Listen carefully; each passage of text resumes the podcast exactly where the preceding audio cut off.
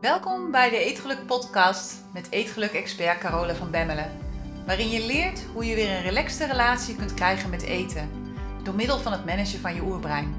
Zodat je voorgoed gaat stoppen met snoepen, snaaien, overeten en diëten. En weer trots bent op jezelf. Dag mooie vrouw, daar ben ik weer. En deze week wil ik het met je hebben over iets waar veel vrouwen, en waarschijnlijk ook mannen, maar met name vrouwen, aan lijden. En dat is een dieetverslaving. Voor veel vrouwen is het dieet-lifestyle de lifestyle die ze volgen. En hun hele leven lang al hoppen ze van het ene dieet naar het andere.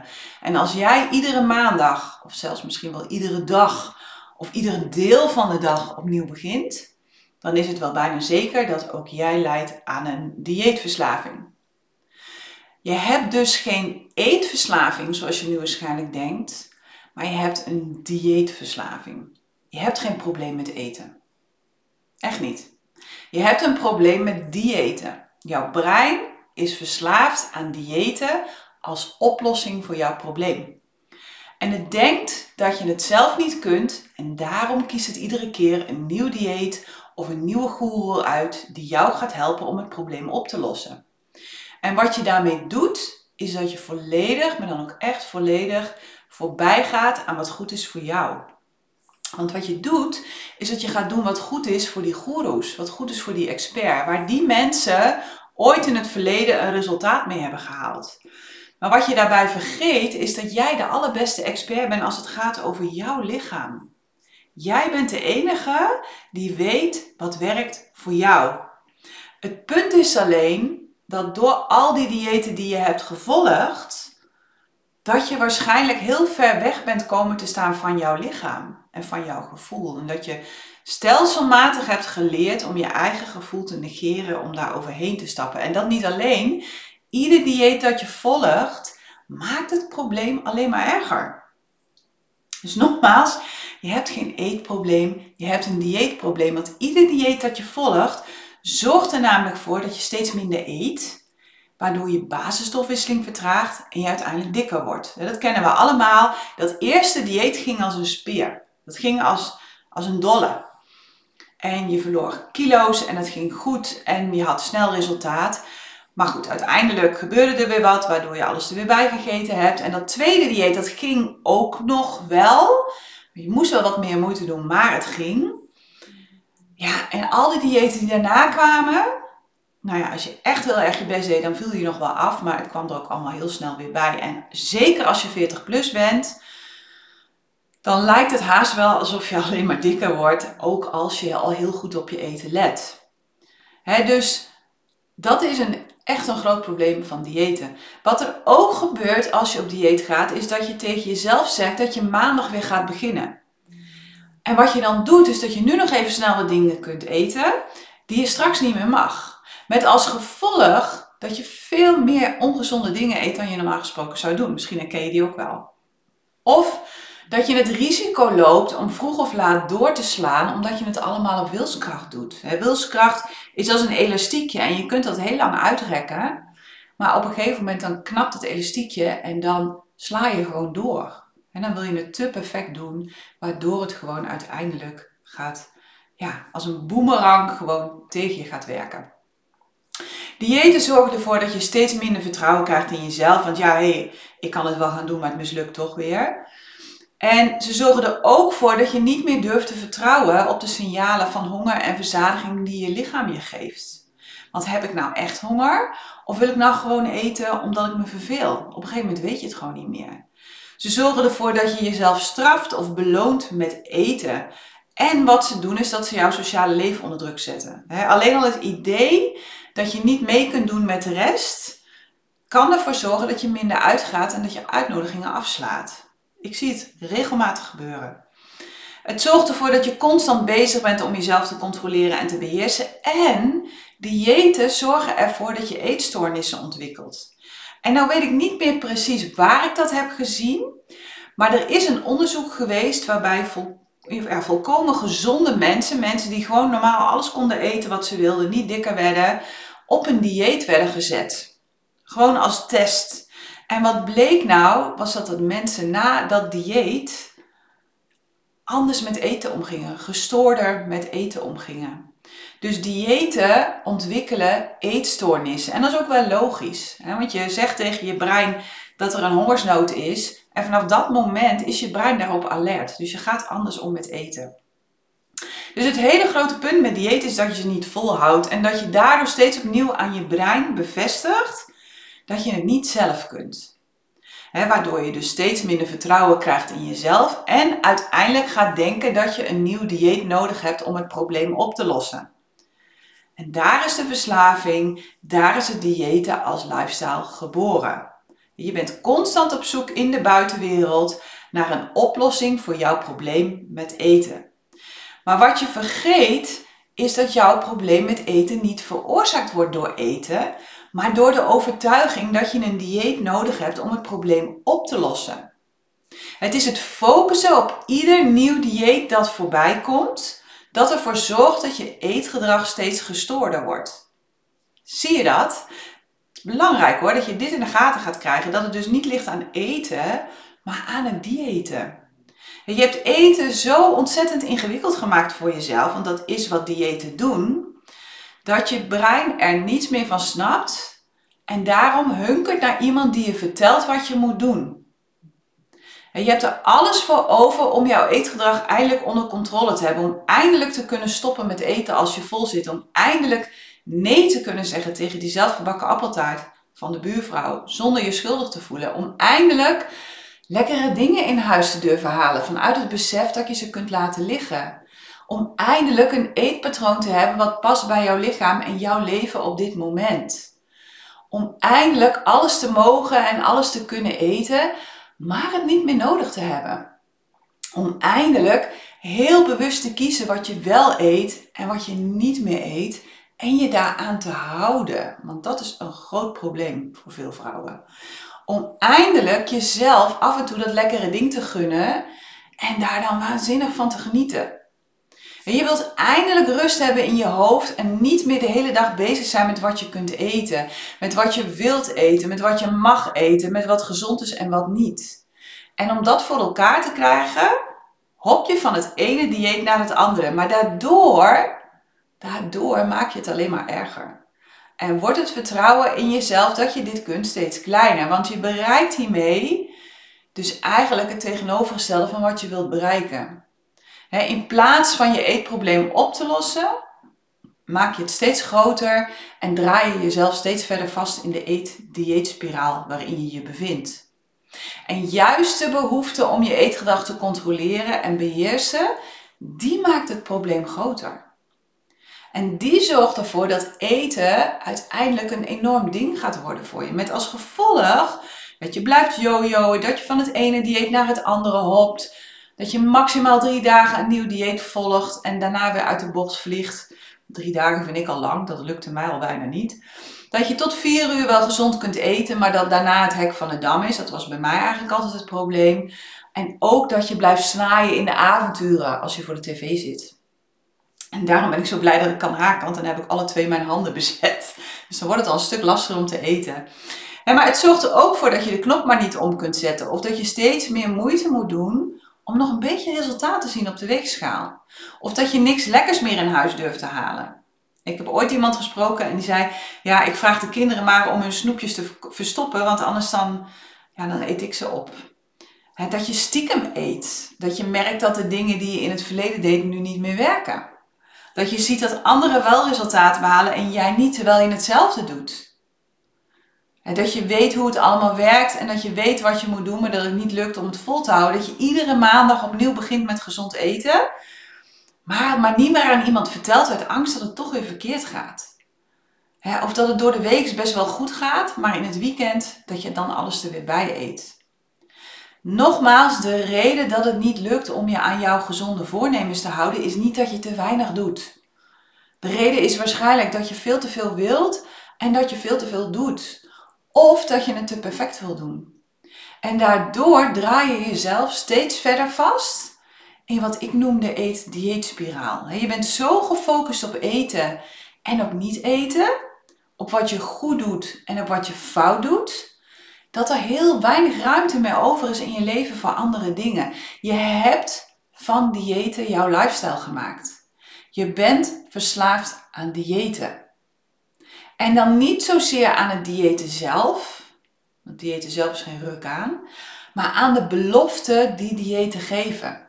Namelijk dat je er slank mee wordt en dat wanneer je slank bent, dat dan het echte leven begint. Dat je dan gelukkig wordt, dat je dan trots kunt zijn op jezelf.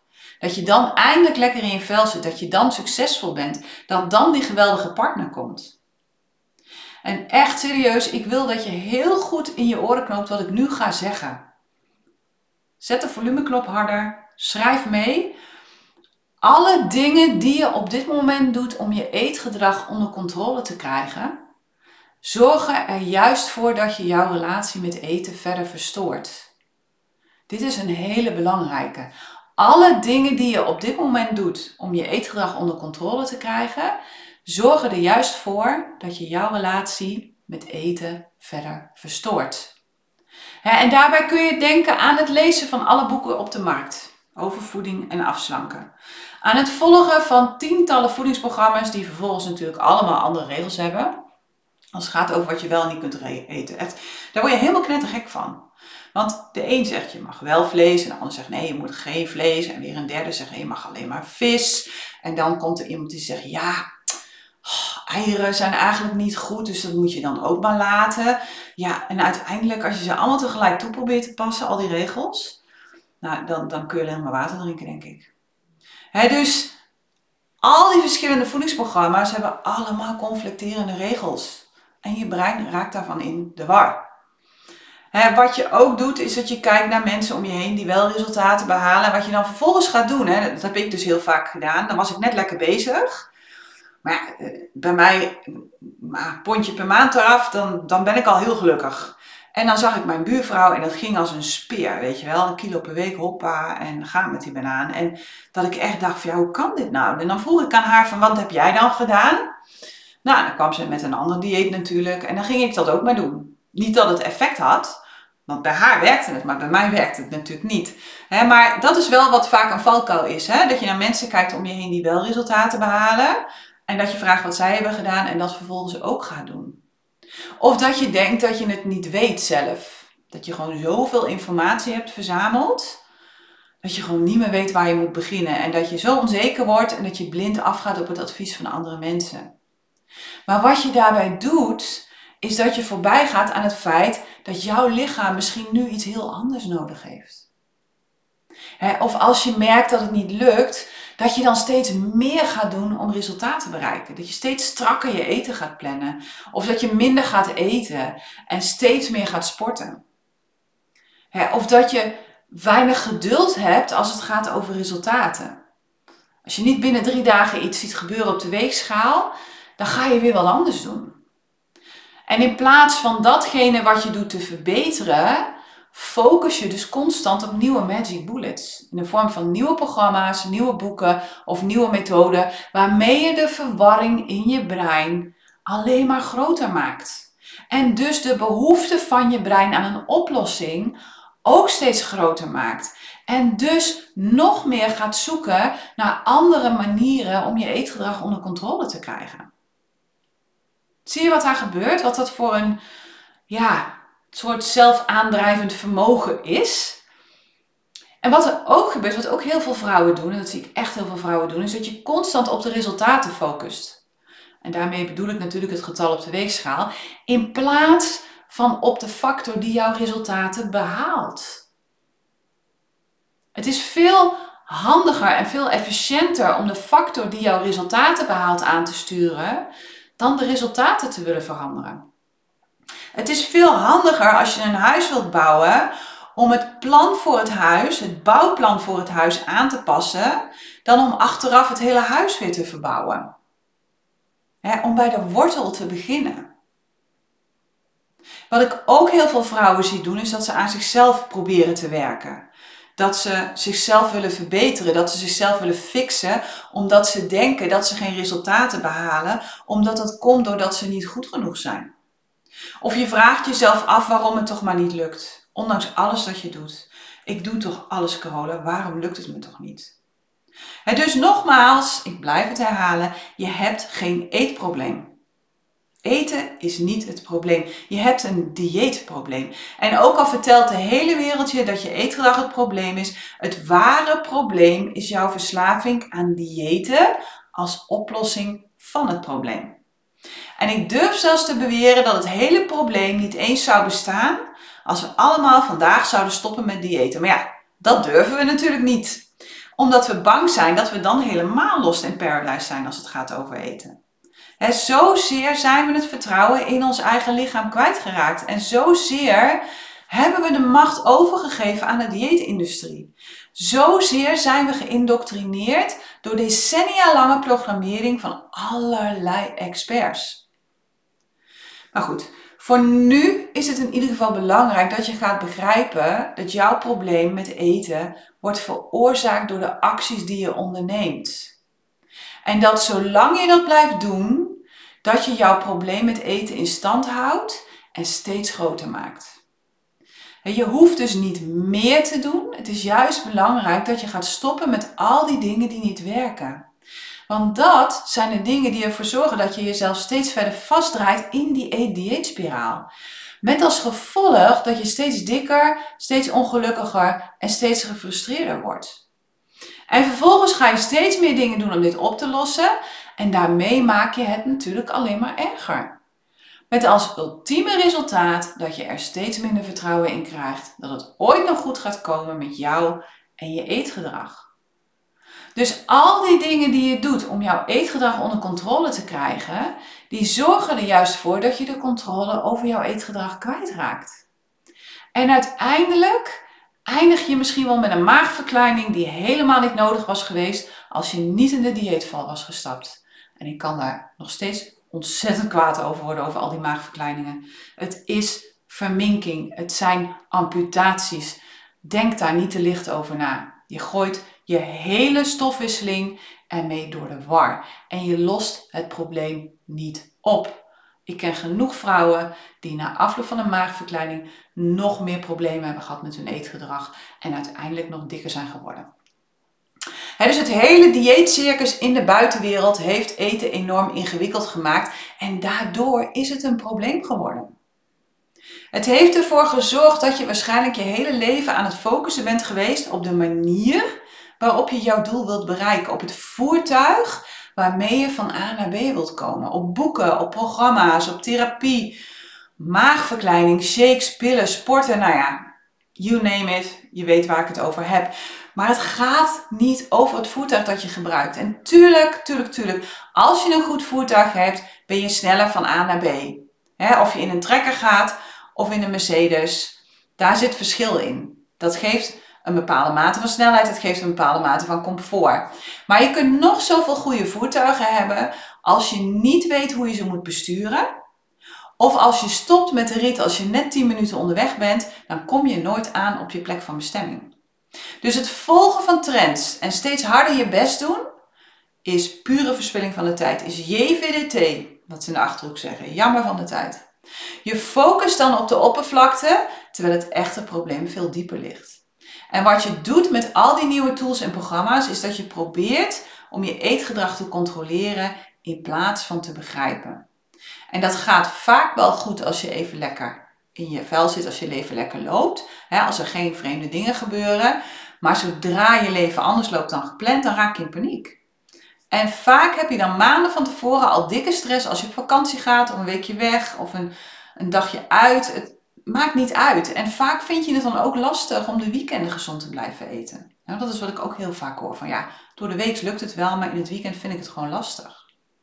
dus het gaat niet over wat je doet. Het gaat erover dat je jezelf gaat begrijpen. Dat je van jezelf weer de nummer één prioriteit maakt in jouw leven. Me first. En dat je vanuit begrip voor jezelf vanuit me first, vanuit jezelf op de eerste plaats gaan zetten, gaat ontdekken waarom je eet en wat werkt voor jou. Wat jouw lichaam nu nodig heeft. En helaas pindakaas, er is geen enkel dieet dat dit doet. Ieder dieet dat ik ken, dat schaaft een beetje aan de buitenkant. Maar geen enkel dieet helpt je om blijvend jouw eetgedrag te veranderen. en dat is ook de reden dat we in de Eetgeluk Universiteit starten met het bepalen van jouw persoonlijke eetprotocol. En daarin ga je helemaal zelf bepalen wat je gaat eten, gebaseerd op wat goed is voor jou en wat past bij jouw huidige leefstijl en bij jouw lichaam. En we doen dat in kleine stapjes. je begint gewoon bij waar je nu bent en vanaf daar gaan we steeds iets verder fijn slijpen. En dat proces, in dat proces is het belangrijk dat je leert om realistisch te plannen. En geloof me, dat is iets heel anders als het perfectionistische plannen wat je tot nu toe altijd hebt gedaan. En als je begrijpt hoe dat werkt, dan pas leer ik je hoe je jouw oerbrein, jouw diepste eetinstincten kunt managen. Wanneer het tegen je zegt dat je nu wel iets lekkers mag. Hè? Wanneer dat vreedstemmetje in je weer wakker wordt. Of dat je vandaag even geen zin hebt in wat je hebt gepland. Of dat je morgen de draad wel weer op kunt pakken. Of dat je het hebt verdiend. En tenslotte leer ik je het geheim van Me First. Oftewel, je gaat de verbinding met jezelf weer herstellen. Zodat je steeds beter weet wat je echt nodig hebt. Want die verbinding met jezelf, die is doorgeknipt door al dat gedieet. Door al die andere gedachten van al die andere mensen. En wat ik wil met Me First, is dat je geen eten meer nodig hebt om je goed te voelen. En misschien wel het allerbelangrijkste, dat je blijvende resultaten gaat behalen, zodat je uiteindelijk je doel bereikt en niet meer terugvalt in je oude gedrag. dus in de Eetelijke Universiteit help ik je om af te kicken van jouw dieetverslaving, zodat eten weer eenvoudig wordt. De inschrijving is op dit moment gesloten. We gaan pas weer open in september. Maar mocht je mee willen doen, meld je dan aan voor de wachtlijst. voor iedereen op de wachtlijst zijn er mogelijkheden om tussentijds in te stromen en krijg je al heel veel informatie die je gelijk al kunt gaan toepassen op jouw huidige eetgedrag.